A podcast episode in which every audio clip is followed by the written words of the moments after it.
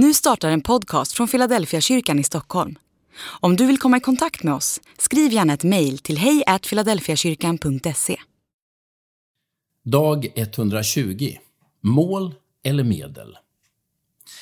Ty Gud försonade hela världen med sig genom Kristus. Han ställde inte människorna till svars för deras överträdelser och han anförtrodde mig budskapet om denna försoning.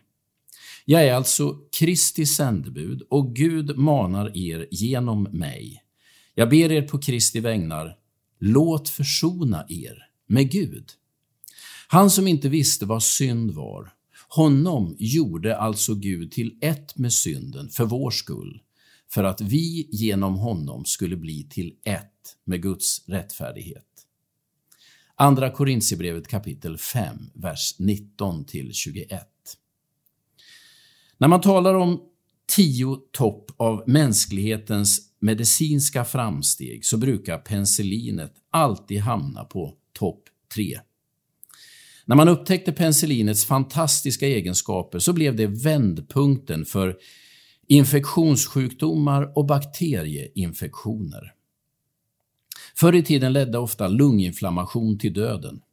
Nu för tiden är de flesta friska efter en månad. Allt på grund av antibiotikans fantastiska egenskaper. Men för att antibiotikan ska ha någon funktion så måste man få i sig den.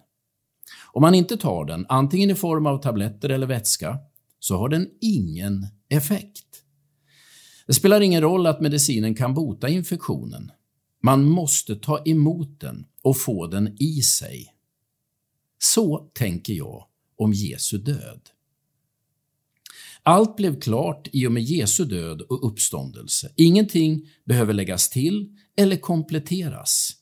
Ändå saknar hans död betydelse om vi inte tar emot honom. Det är inte så att Jesu död medför någon sorts kosmisk skuldreducering. Det vore ju fallet om Jesus hade tagit vårt straff i och med sin död. I så fall hade ju straffet varit verkställt och vi är fria vare sig vi tror på det eller inte. Men så tolkar jag inte skriftens ord. Paulus talar om en vädjan från gudomen själv om försoning.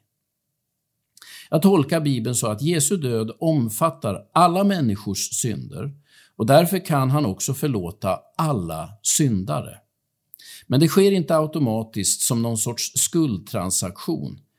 Det sker personligt som en upprättelse av en trasig relation.